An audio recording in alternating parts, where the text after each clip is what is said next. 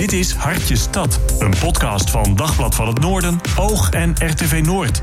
Over politiek in de gemeente Groningen. Hartje Stad.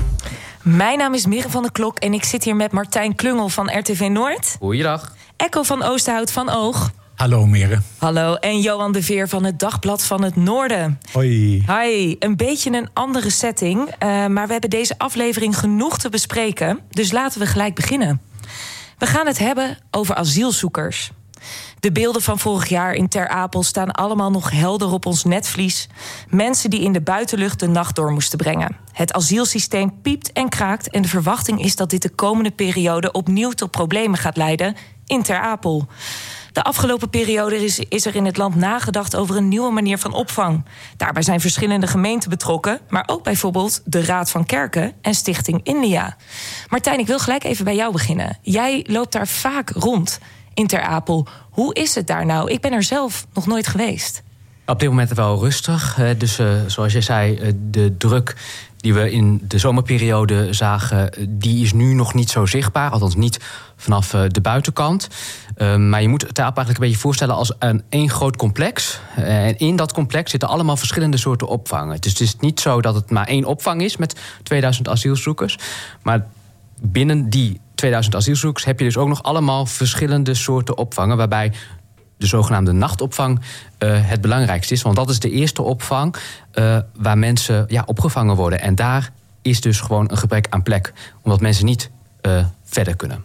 Nou, en we hebben allemaal best wel wat chockerende beelden gezien. ervaar jij dat ook zo als je daar bent?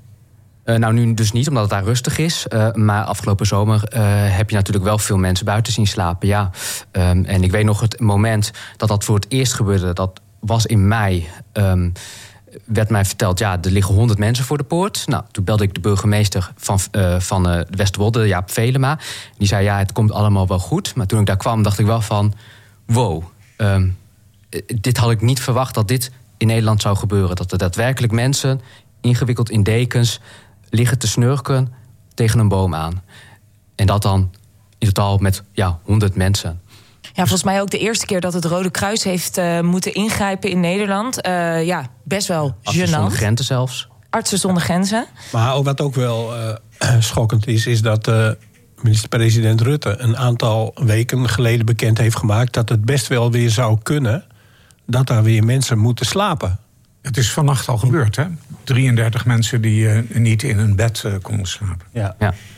Dus en... het, is, uh, het, het, is een schier uh, op, onoplosbaar probleem, lijkt wel. Maar is dit nu iets wat vooral door in de provincie Groningen moet worden opgelost? Nee, nee natuurlijk nee. niet. Juist niet, denk ik. Nee, maar als andere gemeenten niet bewegen, dan, is, uh, ja. dan blijven ze hier plakken, hè? Ja. Het is, uh, het is zo dat de Stichting Inlia, samen met de Raad voor Kerken en wat andere mensen, die hebben dus een, een plan gemaakt.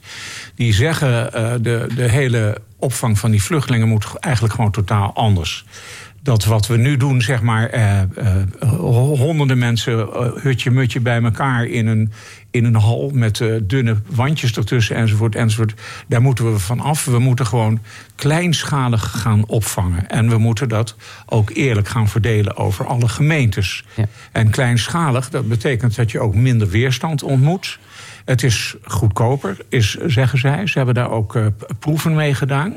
Dus ze weten waar ze over praten. Uit ervaring. En dat is dus een plan wat vandaag op tafel zou liggen in Den Haag. Maar we hebben natuurlijk in Den Haag een, iets wat het parlement heet. En iets wat er niet in slaagt om dit probleem goed op te lossen eigenlijk. Maar we hebben toch al heel lang het idee dat Den Haag in dit dossier alleen maar bezig is met pappen en nat houden. We, we hebben toch heel weinig concrete handvatten. Nou, er is dus om, om die vluchtelingen goed te verdelen over allerlei plekken ja, in het land. Dus nou, er wordt al een jaar eigenlijk over gepraat hè, om die verdeling eerlijk te maken. Uh, Groningen en Drenthe die leveren eigenlijk al jaren veel meer dan ze eigenlijk moeten leveren. Uh, Noord-Zuid-Holland uh, duizenden plekken te weinig. Uh, en er wordt al een jaar gepraat over hoe gaan we dat nou oplossen. En nu is het zo dat het weer zomer is. Dreigt het opnieuw mis te gaan. En nog is er eigenlijk, als je heel kort door de bocht zegt, eigenlijk niks gebeurd. Gisteren was dus, uh, uh, stond op de agenda dat vandaag er over gesproken zou worden, over de spreidingswet. En er is ruzie in de coalitie. En ook heel bizar, er is ook ruzie in de VVD. Want staatssecretaris Erik van der Burg, die wil dus die spreidingswet invoeren. En die wordt door zijn eigen fractie dwars gezeten. Het ik laat mij vertellen dat hij woedend is op Mark Rutte. Want uh, hij zegt uh, tegen Mark Rutte: Jij haalt me in je kabinet om dit probleem op te lossen en te tackelen. En het enige wat je doet is mij tegenwerken. Dus laten we zeggen. Wat er speelt is in die coalitie een enorme verdeeldheid. En in die partij uh, van de VVD ook een enorme verdeeldheid. Ja. ja. En dat maar eigenlijk is dat wel in de weg. Ja, maar eigenlijk is dat wel een beetje middelvinger richting Ter Apel. Ja. Want Ja. in Ter Apel is er nu brand. En vervolgens wordt er in Den Haag gepraat over hoe ze die brand gaan bestrijden. Ondertussen slinkt ook het draagvlak in Ter Apel voor de vluchtelingen of voor de asielzoekersopvang. Er zijn regelmatig, eh, nou, toch wel wat ongeregeldheden. Eh, mensen komen tegenover asielzoekers te staan. Een deel van de asiel, en sommige asielzoekers misdragen, maken zich ook schuldig aan wangedrag. Die rek die gaat er ook een keer uit, of niet? Ja, Bij medewerkers bedoel je, of bij... Maar ook bij de bevolking. Ja, nee, zeker. Dat zie je nu ook al in Ter Apel. Hè. Eh, het, het, het, het- ja, het radicaliseert daar een beetje. Eh, burgerwachten eh, die weer in het leven worden geroepen. Eh, je ziet ook dat de politiek eh, er klaar mee is. Dus de gemeente Westerwolde. Ze roepen nu zelfs hardop... als dit niet stopt, dan gaan wij naar de rechter... en willen we het contract wellicht ontbinden met het COA. En dus moet dan ook het, het, aanmeld- het enige aanmeldcentrum in Nederland verdwijnen. Eh, dus ja, het verhardt ontzettend daar. Zou het, einde, zou het kunnen zijn dat eh, uiteindelijk toch een, eh, weer een groter beroep op Groningen wordt gedaan? Dat lijkt Voor me, opvang? Ja, dat lijkt me onredelijk. Nee, Maar ja, wat- onvermijdelijk. onvermijdelijk? en je zou zeggen, die spreidingswet die moet er komen. Of gaat, eh, gaat dat niet gebeuren?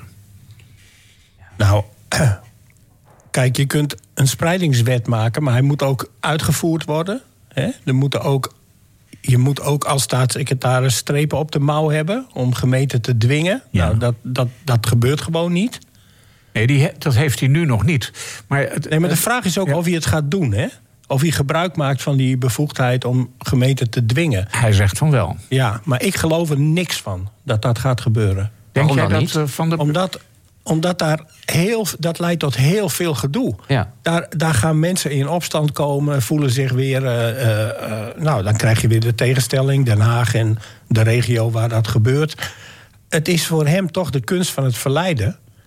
En daar is hij tot nu toe gewoon niet in geslaagd. En ik denk ook niet dat een wet eh, helpt om eh, gemeenten te dwingen in de praktijk. Hè? En wat, de- wat denk je dan, hoe kijk je dan aan tegen zo'n plan als dat van Inlia? Kleinschalig en eerlijk verdelen over iedereen. Ja, want wat zijn daar dus dan de voordelen van? Goedkoper, zeggen ze. Mensen eh, eh, eh, eh, integreren sneller. Want eh, ze, ze, ze, ze staan dichterbij. Hè? Ze, ze zitten niet meer achter. Ja, als je het ziet, is het ook heel verdrietig om te zien. Een muur van containers waar mensen achter zitten. Dan heb je het over Zoutkamp. Daar heb ik het over Zoutkamp. Dat vind ik zo'n naargeestig gedoe. Hoe je überhaupt op het idee komt om, om een soort kasteel te bouwen. Ja. Met, met, met, een, met een hekwerk eromheen. Ja. En dan in the middle of nowhere. Wat moeten die mensen? Ja, je kunt geen- helemaal niks. Ze hebben geen privacy of, of niks. Nee. Het is, het Maar is afschuwelijk. Ik ben het niet. eh, kijk, je moet denk ik en-en doen. Je kan niet met alleen maar kleinschalige opvang los je het probleem niet op. Want er zijn namelijk ook mensen. Ja, eh, misschien gaat het te diep eh, in op de stof. Maar er zijn ook mensen die hebben een bepaald eh, proces. Die moeten heel vaak naar Ter Apel. En al die mensen die in dat stapje van dat asielproces zitten, die worden bij elkaar geplaatst. Dat is dus de nachtopvang. Als je dat allemaal kleinschalig gaat opvangen, moet je heel veel taxis bestellen om ze allemaal elke, elke dag heen en weer naar Ter Apel te brengen. En dan moet je echt wel een grootschalige opvang hebben. Dat kan niet in een, ja, verdeeld over het land. Maar dan moeten, dan moeten mensen die in die positie zijn, die moeten wel zeker weten dat ze in een beperkte tijdspanne bij de IND terecht kunnen en die stappen in hun proces kunnen zetten. Ja.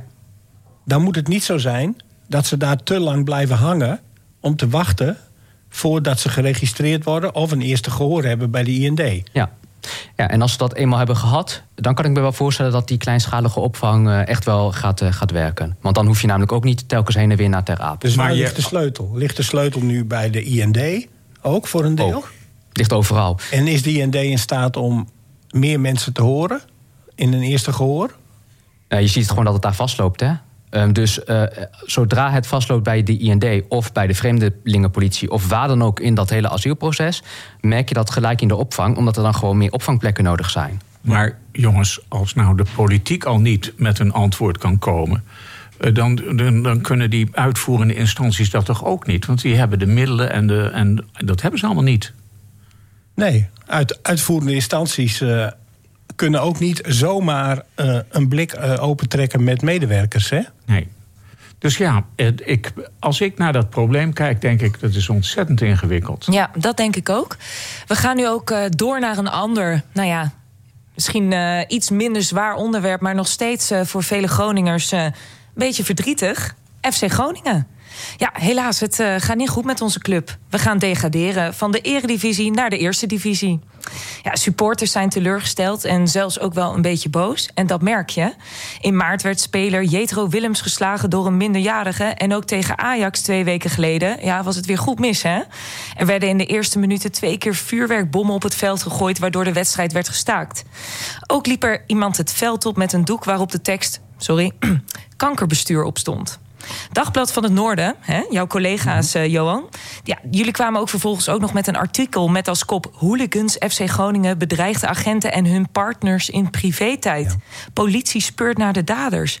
Ja, ik schrik hiervan. Ja. Weet je, als ik het zo hoor, dan lukt het eigenlijk FC Groningen... en eigenlijk nou ja, misschien ook wel de politie, de gemeente... ik weet niet wie er allemaal bij betrokken is... ja, eigenlijk niet meer om een veilige wedstrijd aan te Nou, bieden. om te beginnen is dit veel en veel te groot geworden voor FC Groningen. Ja. Dus dit is voor een club is dit niet op te lossen. Je kunt zeggen van, nou, wij, zijn, wij stellen ons op als gastheer. We hebben om de zoveel twee weken hebben we een wedstrijd. We gooien het stadion open. We hebben huisregels. Eh, daar moet je je aan houden. En als je het niet aan houdt, dan kunnen we, hebben we een sanctie. Hè? En dat gaat allemaal in overleg met de KNVB. Punt. Maar wat nu wanneer mensen die dat stadion inkomen zich niet aan die regels willen houden en ook gewoon de mensen die daarop moeten toezien gaan intimideren? Dan, wat moet jij dan als club doen? Dan kun jij eigenlijk alleen maar een beroep doen op professionele beveiligers die dan de teugels aanhalen of de politie. En FC Groningen zou je misschien kunnen zeggen, hebben dit iets te lang op hun beloop gelaten. Of dat moedwillig is gebeurd, of dat ze een inschattingsfout hebben gemaakt, dat kunnen we nu even, kan ik persoonlijk niet beoordelen. Maar feit is dat deze club wordt gewoon gekaapt door, door een beperkte groep. Ja, laten we om te beginnen maar eens zeggen. Nee, maar eh, sorry, Ja, sorry. ja, ja. Ik wou nog als laatste zeggen Ja. dat omdat het te groot is geworden, eh, is het nu een zaak geworden van politie, justitie en gemeente. In, dat noem je dan de zogenaamde driehoek. Die moeten nu toezien op de openbare orde. En dat klopt, want eh, er zijn natuurlijk ook vragen gesteld aan onze burgemeester Koen Schuiling hè, over, de, over de veiligheid. En eh, er worden bijvoorbeeld gesproken over netten. En hè, hij wil eh, iedereen opsporen. We gaan even een stukje naar hem luisteren, oké? Eh, netten, dat is vanochtend wel eh, aan de orde gekomen. Eh, maar eh, dat wordt wel onderdeel van het eh, onafhankelijk onderzoek. Van wat kun je daar nou precies van verwachten? Biedt dat echt soelaas of roept dat nieuwe veiligheidsrisico's eh, op? Zodra wij weten dat iemand verantwoordelijkheid draagt... voor datgene wat er afgelopen zondag is gebeurd... dan krijgt zo iemand natuurlijk een stadionverbod en een gebiedsverbod. Ja, gaat dit het nou oplossen? Ik vind het twijfelachtig, eerlijk gezegd. Ja, het lijkt me ook heel lastig om hierop eh, te handhaven. Want ehm, kijk, als iemand iets heeft gedaan, dan kun je inderdaad een stadionverbod te geven, zoals eh, Schuiling zegt. Maar wat doe je dan met die ja, 100 supporters waar jullie als krant over hebben geschreven, Johan? Wat kun je daar dan tegen doen? Want Kijk, ik denk dat de, we hebben de, namelijk de mogelijkheden. op dit moment, toch? Nee, de mogelijkheden van de club zijn beperkt. Hè? Die kunnen hooguit zeggen een stadionverbod. Hè? En die kunnen ook proberen om de schade te verhalen op de daders. Hè? Maar daar hebben zij wel hulp voor nodig. Van justitie, van openbaar ministerie. Want je moet dan zorgen dat je die mensen die, die, uh, die dat wangedrag vertonen, dat je ze als het ware juridisch achtervolgt. En dat doen ze in Engeland. Doen de ze meldplicht. Veel beter. Daar Ja. hebben ze A, een meldplicht. Ja. Maar ook hebben ze daar manieren om te zeggen: jij hebt een strafbaar feit gepleegd. En nu heb jij, gaan wij jou daarvoor vervolgen. ja, want even voor de volledige informatie. Als jij hier een eh, stadionverbod krijgt in Nederland... dan komt dat, krijg je geen strafblad. En in Engeland wel. In Engeland wel. In Engeland hebben ze iets gedaan wat ze hier niet, eh, nog niet hebben gedaan. En dat is eh, het wangedrag binnen de wet naar het strafrecht tillen. En, en dan krijg je een hele andere sancties, hele andere maatregelen. Dat schrikt wel af misschien. Ik denk persoonlijk dat dat de enige manier is om eh, het probleem uit het stadion te krijgen. En dat is in Engeland ook gebleken. Maar En- jongens, we, eh, we hebben hier in, in Nederland. De politie en het Openbaar Ministerie die hebben het allemaal druk. Die hebben achterstanden van heb ik jou daar. Dus we, we organiseren een feestje voor een, eh, voor een toch beperkte groep. En vervolgens gaat daar gigantisch veel capaciteit in zitten van eh, het Openbaar Ministerie en de politie. Eh, voor de, en dat noemen we dan supporters. Laten we beginnen om eens op te houden met wat supporters te noemen, want dat zijn het niet. Het zijn natuurlijk gewoon crimineeltjes, toch? Hooligans. Ja, ja dat Ja. is zo. Dat, en, het, en ik zie dus eigenlijk niet zo. eh, ja, het is een schier. Ook dit weer een heel erg onoplosbaar probleem, lijkt het wel. Maar even ingaan op wat jij zegt over de beperkte capaciteit van Ja. politie en justitie. Dat, dat, dat klopt. Dat is een probleem. Maar eh, zij moeten ook gaan prioriteren. Hè? En als dit eh, voetbalgeweld, als dat zo uit de klauw loopt, of je ziet het, dat het de clubs uit de handen glipt. Want het is niet alleen bij FC Groningen. Hè? Wat denk je wat er in Alkmaar gebeurde na die Europa Cup wedstrijd? Vertel eens, wat gebeurde er Nou, toen? toen, eh, dat was een wedstrijd tegen West Ham United. En daar zijn supporters, eh, eh, hooligans van AZ... zijn daar de familietribune na de wedstrijd opgestoven. En naar verluid. En, naar die hebben daar klappen uitgedeeld aan gewoon gezinnen. Dat is toch vreselijk? Ja, dus... En naar verluid waren daar ook Groningen supporters, zo, zo Groningen hooligans bij. Ja. ja, daar zijn op straat ook ongeregeldheden geweest... Ja. waar Groningen mensen bij betrokken waren. Maar ik bedoel te zeggen, op jouw punt van die capaciteit... het kan zijn dat dat voetbalgeweld... dat dat zo hoog komt in de, op de prioriteitenlijst... Ja. dat je eigenlijk wel wat moet gaan doen. Dat, dat je dit naar een hoger niveau eh, moet tillen. Hey, en er werd bijvoorbeeld dus ook, Koen Schuiling, eh, de burgemeester, had het ook over netten. Hoe, hoe kijken jullie daarnaar? Ja, ik, ik, ik weet nou niet of dat het. eh, Ja, ik vind dat eigenlijk klein bier. Dat is een, een, een- kleine maatregel hè, om te voorkomen dat er van alles op het veld komt. Maar ik vind dat helemaal in het niet verdwijnen vergeleken bij het intimideren van personeel en stewards. Ja, het probleem dat blijft natuurlijk, ook al hang je net op, het probleem blijft er. Kijk, Ja. het erge was, het erge was dat, dat het gebeurde. Mensen ge- en de omstanders, de, de andere eh, fans, die durfden ook niks te zeggen, in te grijpen. Hè? Dus dan ga je eigenlijk met elkaar ga je eigenlijk bepaald gedrag accepteren. En dat is eigenlijk een kenmerk van ondermijning. Hè? Dat, dat we dingen eh, eigenlijk maar gewo- gewoon gaan vinden. En dan, Ja. dan, dan zijn we ver, ver heen hoor. Als nou, dat- dan zijn we denk ik best wel ver heen. Want heel eerlijk, zouden jullie nu nog bijvoorbeeld met je kinderen of je kleinkinderen eh, naar een wedstrijd van FC Groningen gaan? Of zou je denken, nou, die sla ik even over? Ik zou sowieso nooit gaan. ik heb namelijk een ongelofelijke hekel aan dat spelletje. ja. Ja, maar goed, dat is. eh, Johan, jij bent wel voetbalfan? Ja, ik heb al eh, een jaar of 23 een eh, seizoenkaart bij Oei. FC Groningen. En blijft dat? Ja, zeker, met mijn dochter. En wij, wij maken daar een vader-dochter uitje van. En of ze nou winnen of verliezen, we hopen natuurlijk winnen. Maar, maar wij, gaan, wij zijn niet helemaal uit het lood geslagen als ze verliezen. En ook niet na dit seizoen. Eh, want je hoopt ook dat de club eh, eh, weer ga- zichzelf weer eh, op, gaat, op gaat richten. En ik denk dat, eh, dat er genoeg kennis en kunde is in, in de, bij Groningen. Of voorra- voorhanden niet. Maar- voorhanden En op het gebied van gedonder in het stadion, strikt dat je nog af? Of denk je, nou, dat, eh, dat komt wel goed? Nou, ik heb wel. eh, ik vond het wel heel verdrietig uh, om te zien hoe uh, gezinnen met kinderen het stadion uh, verlieten. Totale ja, huilende jongetjes. Totale desillusie, ja, echt heel weet je wel. verdrietig. Want als je 7, 8, 9 jaar bent en je houdt van het spelletje, dan kun je dit gewoon niet begrijpen. Maar misschien hebben, we zijn eigenlijk een beetje over de belangrijkste vraag heen gegaan. Uh, en dat is of de gemeente hier nog iets kan doen, aan kan doen. Want eigenlijk zeg jij, ja, het moet, ge, uh, het moet op de agenda komen van OM en politie. Maar kan het hier in de gemeente Groningen nog opgelost worden, denk je? Nou, de gemeente die wil zich, denk ik, met politie en justitie gaan richten op die groep. En ook de mensen, de meelopers daaromheen.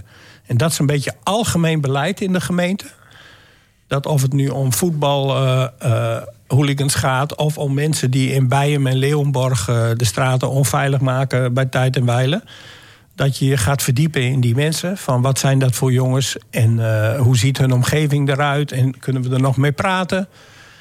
Uh, kunnen we met die ouders een gesprek hebben? Dan moet ook een sociale, zit ook Ja, een sociale Wat zit kant aan. daarachter? Waar zit een... Ja. Misschien is het zelfs is het, is het wel verveling, je weet het niet. Nou, dat kan van alles zijn. Hè? Dat kan van alles zijn. Maar wat ze wel uh, in dat rapport, uh, Echo, dat ken jij ook, dat, dat ondermijningsrapport Ja. hebben gezien, is dat jongeren al heel vroeg, in een vroege leeftijd ontvankelijk zijn voor uh, cadeautjes, geld en van mensen die hun willen ronselen voor criminele activiteiten. En dan moet jij een heel stevig gezin, dan moet je uit een heel goed en stevig gezin komen. En ze, zelfs dat is geen garantie hoor. Maar ze moeten wel. Uh, uh, ja, ze moeten daar wel bij weg kunnen blijven. Maar is er, laten we zeggen, er is een bestuur. Hè? Er is een FC Groningen is een georganiseerd ding, om het maar zo te zeggen. en he, hebben die, heeft de leiding van de FC Groningen heeft die ook niet een verantwoordelijkheid in deze? Ja, Absoluut. Maar, Maar, niet, maar die kunnen niet zeg maar, de sociale ellende oplossen die er in de samenleving heerst. Nee, maar je, dus laten we zeggen, over die stadions ver, verboden en dat handhaven. Dat is natuurlijk een hele grote rol voor FC Groningen zelf neergelegd. Uh, Ze kunnen natuurlijk oproepen hè, om daar. Uh, om daar andere wetgeving over te maken. Dat zou een signaal ja, nou ja, er is, er is nu dus een. Iemand kwam met een plan om een, een met een vingerafdrukscan. Uh, dan, want nu, uh, ja, ze, ze weten helemaal niet wie, wie er nou wel of niet binnenkomt. Maar vertel eens, Echo, met een vingerdruk. Ik vind dat namelijk best klinkt als een goed idee. Want we hebben het natuurlijk over duizenden mensen Ja, die dus in één keer een- een je hebt- stadion binnengaan. Hoe doe je dat? Je hebt een kaartje en aan dat kaartje zit ook een vingerafdruk vast. Dus je laat je kaartje zien en je legt je, je vinger op een, eh, op, een, op een sensor. En dan wordt er gekeken of jij dat inderdaad bent. En daarmee kun je mensen met een stadionverbod kun je eruit filteren. Op zich wel heel best een ver idee. trouwens hoor. Ja, misschien privacygevoelig, weet ik niet wat iedereen ervan vindt. Martijn, Ik weet ook niet dat, eh, of iedereen daar wel zo blij mee zou zijn. Ik, ga nooit naar het stadion. Maar ik kan me ook voorstellen dat mensen zeggen... ja, daar heb ik eigenlijk geen behoefte aan... dat eh, Nee, maar- de FC mijn vingerafdruk Het heeft. werkt andersom. Hè. Ze, het werkt andersom. Ze nemen dus alleen de afdrukken van de mensen die eh, over een verbod hebben. En die zitten in een bestand. En dan wordt jouw vingerafdruk vergeleken of dat een vingerafdruk is die een Ah. verbod heeft. Dus ze keren het om, de bewijslast eigenlijk. Nou, ik vind het wel een, eh, ik vind het wel een interessante. Daar gaan we nog eens even verder eh, over nadenken. Dan gaan we ook weer verder naar het volgende onderwerp. Ja, en dat is. eh, wij missen een eh, politicus eh, in Groningen. Ja, eigenlijk het vaste gezicht van ogen, hè, Echo, kan ik wel zeggen. Nou ja, ik, jee. ik, had, ik, ik heb daar een idee over. Ja, ja, voormalig Zeker. fractievoorzitter van de SP, Jimmy Ja. Dijk, heeft officieel afscheid genomen van de gemeenteraad. Hij gaat namelijk naar de Tweede Kamer. Ja, vorige week gaf hij zijn afscheidsspeech. En daar gaan we even een stukje naar luisteren. Um, want ik ben afgelopen anderhalf week uh, heb ik uh, kamerdebatten gedaan. Um, en dan wil ik jullie toch meegeven, ik schrik daar wel echt heel erg van. Het is echt honderd keer erger dan ik dacht. Um, nee, maar serieus. En uh, ik weet dat er gelachen wordt en er net ook gelachen. En ik vind het moeilijk om een heel vrolijk verhaal hierover uh, over te gaan houden. Maar het is echt erg. Die overheid is echt uitgekleed en afgebroken. Uh, en die moet weer opgebouwd worden en die moet ook democratischer worden. Um, en dat moet deze coalitie gaan doen. Zo, best wel uh, stevig geworden. Dit was tijdens de afscheidsspeech in de gemeenteraad hè, door Jimmy Dijk. Hij had het hier over zijn uh, nu al ervaring in Den Haag. Zo, wat, uh, wat zijn jullie eerste reacties? Ja, ik, ik, het ligt voor de hand. Eigenlijk, als je nu, nu, praat met mensen die in de Tweede Kamer hebben gezeten, Groningers, dan is er eigenlijk. Ik heb nog nooit iemand ontmoet die daar heel erg positief over is. Dus de, de sfeer in de, in de Tweede Kamer is. De, de, de het haantjesgedrag is enorm. De, de, fractiediscipline is ook een keurslijf van heb ik jou daar. Uh, de, de, de, mogelijkheid om invloed daadwerkelijk uh, uit te oefenen op het beleid is behoorlijk klein hoor. En ik snap wel dat Jimmy daarvan schrikt. Ja, maar dat was, was niet zijn punt. Zijn punt was dat eigenlijk die overheid niet opkomt voor de mensen die in de problemen zitten. Ja. Um, en um, ik merkte, ik zat toen in de zaal. Ik, je kan het niet zo goed op dit geluid horen, maar ik merkte aan hem dat hij ook daar een beetje emotioneel om werd. Dat het hem ja. echt frustreerde, dat hij het echt meende. Ja, ja. Hij zegt van bewust dat als de overheid de regie wil nemen, weer in een aantal dingen, hè, dus weer, weer, weer zelf uh, aan het roer wil staan, dat daar een enorme tegenkracht is vanuit de samenleving, van belang, belanghebbende partijen die nu bijvoorbeeld gaan over onze energie, over, over nou ja, uh, hè, grote dingen. Ja. En hij voelt nu van dat dat op, op een nationaal niveau, dat daar amper aan te tornen valt. Ja, dus, de, dus dat hij, hij uh, kan uh, de wijken ingaan. En hij kan corporaties aanspreken over schimmelwoningen. Maar Toen hij hier nog in Groningen zat. Ja. Ergens heeft hij de ambitie om dat naar een hoger plan te tillen. En dat ook landelijk aan de kaart te stellen bij grote uh, woningbouwkoepels, weet je wel. En ik denk dat hij ontdekt dat Kamerleden daar amper poot aan de grond hebben. Ja. ja, want wij kennen Jimmy Dijk natuurlijk als een man die eigenlijk, nou ja, het liefst elke dag uh, bijvoorbeeld de, de wijken inging, bij mensen aan ging kloppen. hey, mag ik eens binnenkijken? Hoe voelen jullie eigenlijk alles? Ja, dat, dat houdt waarschijnlijk wel op. Gaat hij dat, uh, gaat hij, ja, ik wordt hij wel gelukkig in Den Haag? Hij, dat, is, dat is maar zeer de vraag. Hij, uh, hij is natuurlijk. Uh, hij verzet zich met, met, uh, met alles wat hij in zich heeft tegen die vergaande liberalisering die de afgelopen jaar plaatsgevonden heeft. Dus laten we zeggen, de, de, de participatiewet bijvoorbeeld. Weet je wel, uh, we, we, we, stoten alles af, we decentraliseren alles en we hangen daar een bezuiniging aan. Dat doen we met de zorg, dat doen we, dat doen we met het energiebedrijf. De D66-staatssecretaris wist niet hoe snel die het, het gas moest uitverkopen tegen geweldig hoge bedragen en had alleen maar oog voor zijn, voor zijn eigen binnenwereld. En dat is natuurlijk iets wat, ja, waar Jimmy Dijk echt gloeiend de pest aan heeft. Gloeiend de pest. Ja. De, die liberalisering. En ik moet ook zeggen, je ziet het in de maatschappij. De maatschappij begint er ook een beetje genoeg van te krijgen. Zeker. Ik vraag me wel af of hij inderdaad het gevoel krijgt um, of hij zeg maar, voldoende kan inbrengen.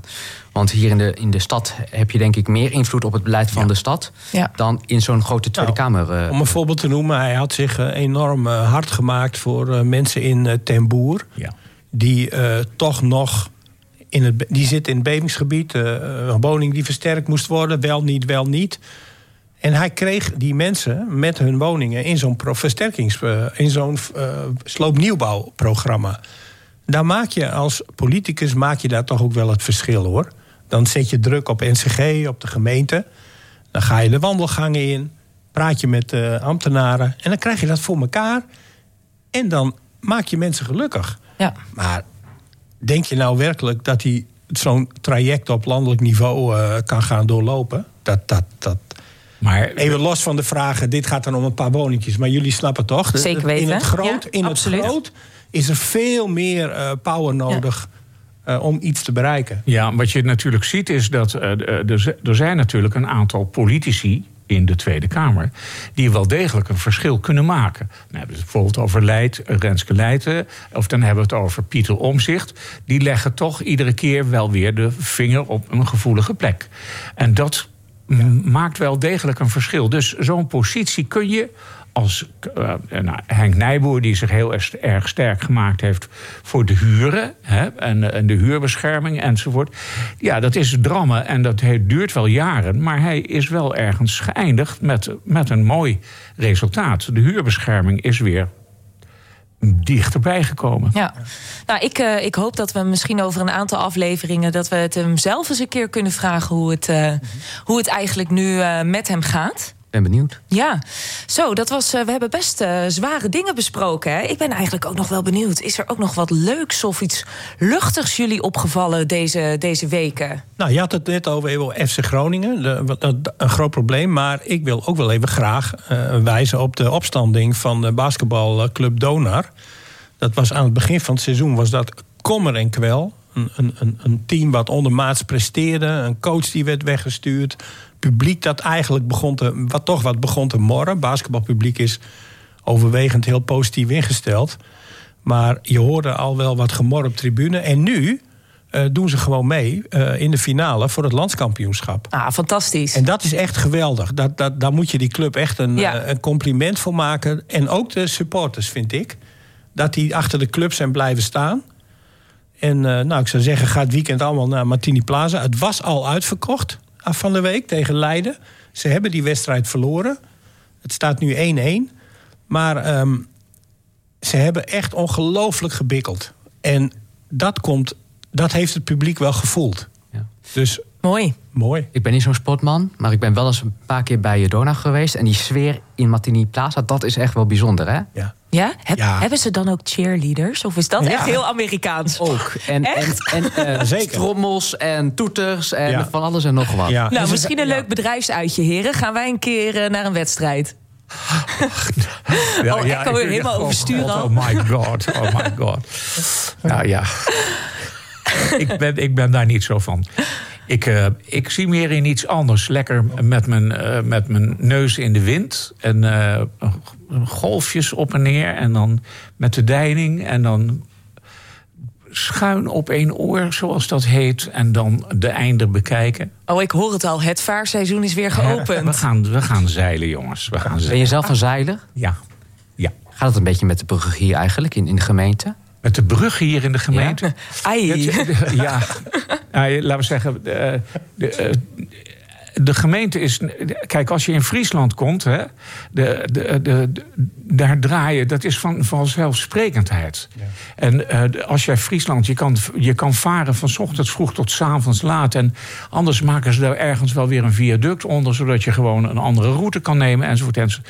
Nou, daar is Groningen nog lang niet. Nog lang Jouw mast, eh, jouw mast moet Wij hebben laag. hier een eh, dienstruimtelijke ordening die het allerliefste gewoon eh, over een kanaal een brug legt. En dat is hun hobby, zeg maar. Nou, daar sluiten wij deze aflevering eh, mee af.